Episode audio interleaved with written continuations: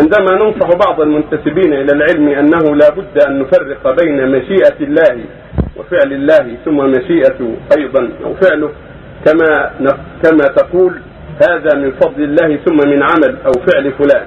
ولكنهم ردوا علينا بهذه الشبهة وهي قول الله تعالى وقالوا سيأتينا الله من فضله ورسوله.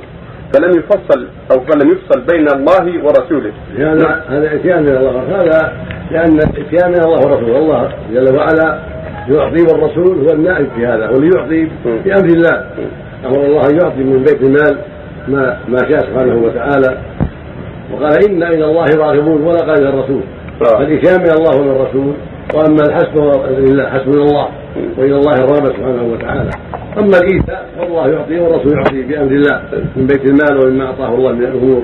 فإذا قال أتانا الله ورسوله أو اتانا الرسول كذا ولا أعطانا كذا فلا حرج في ذلك.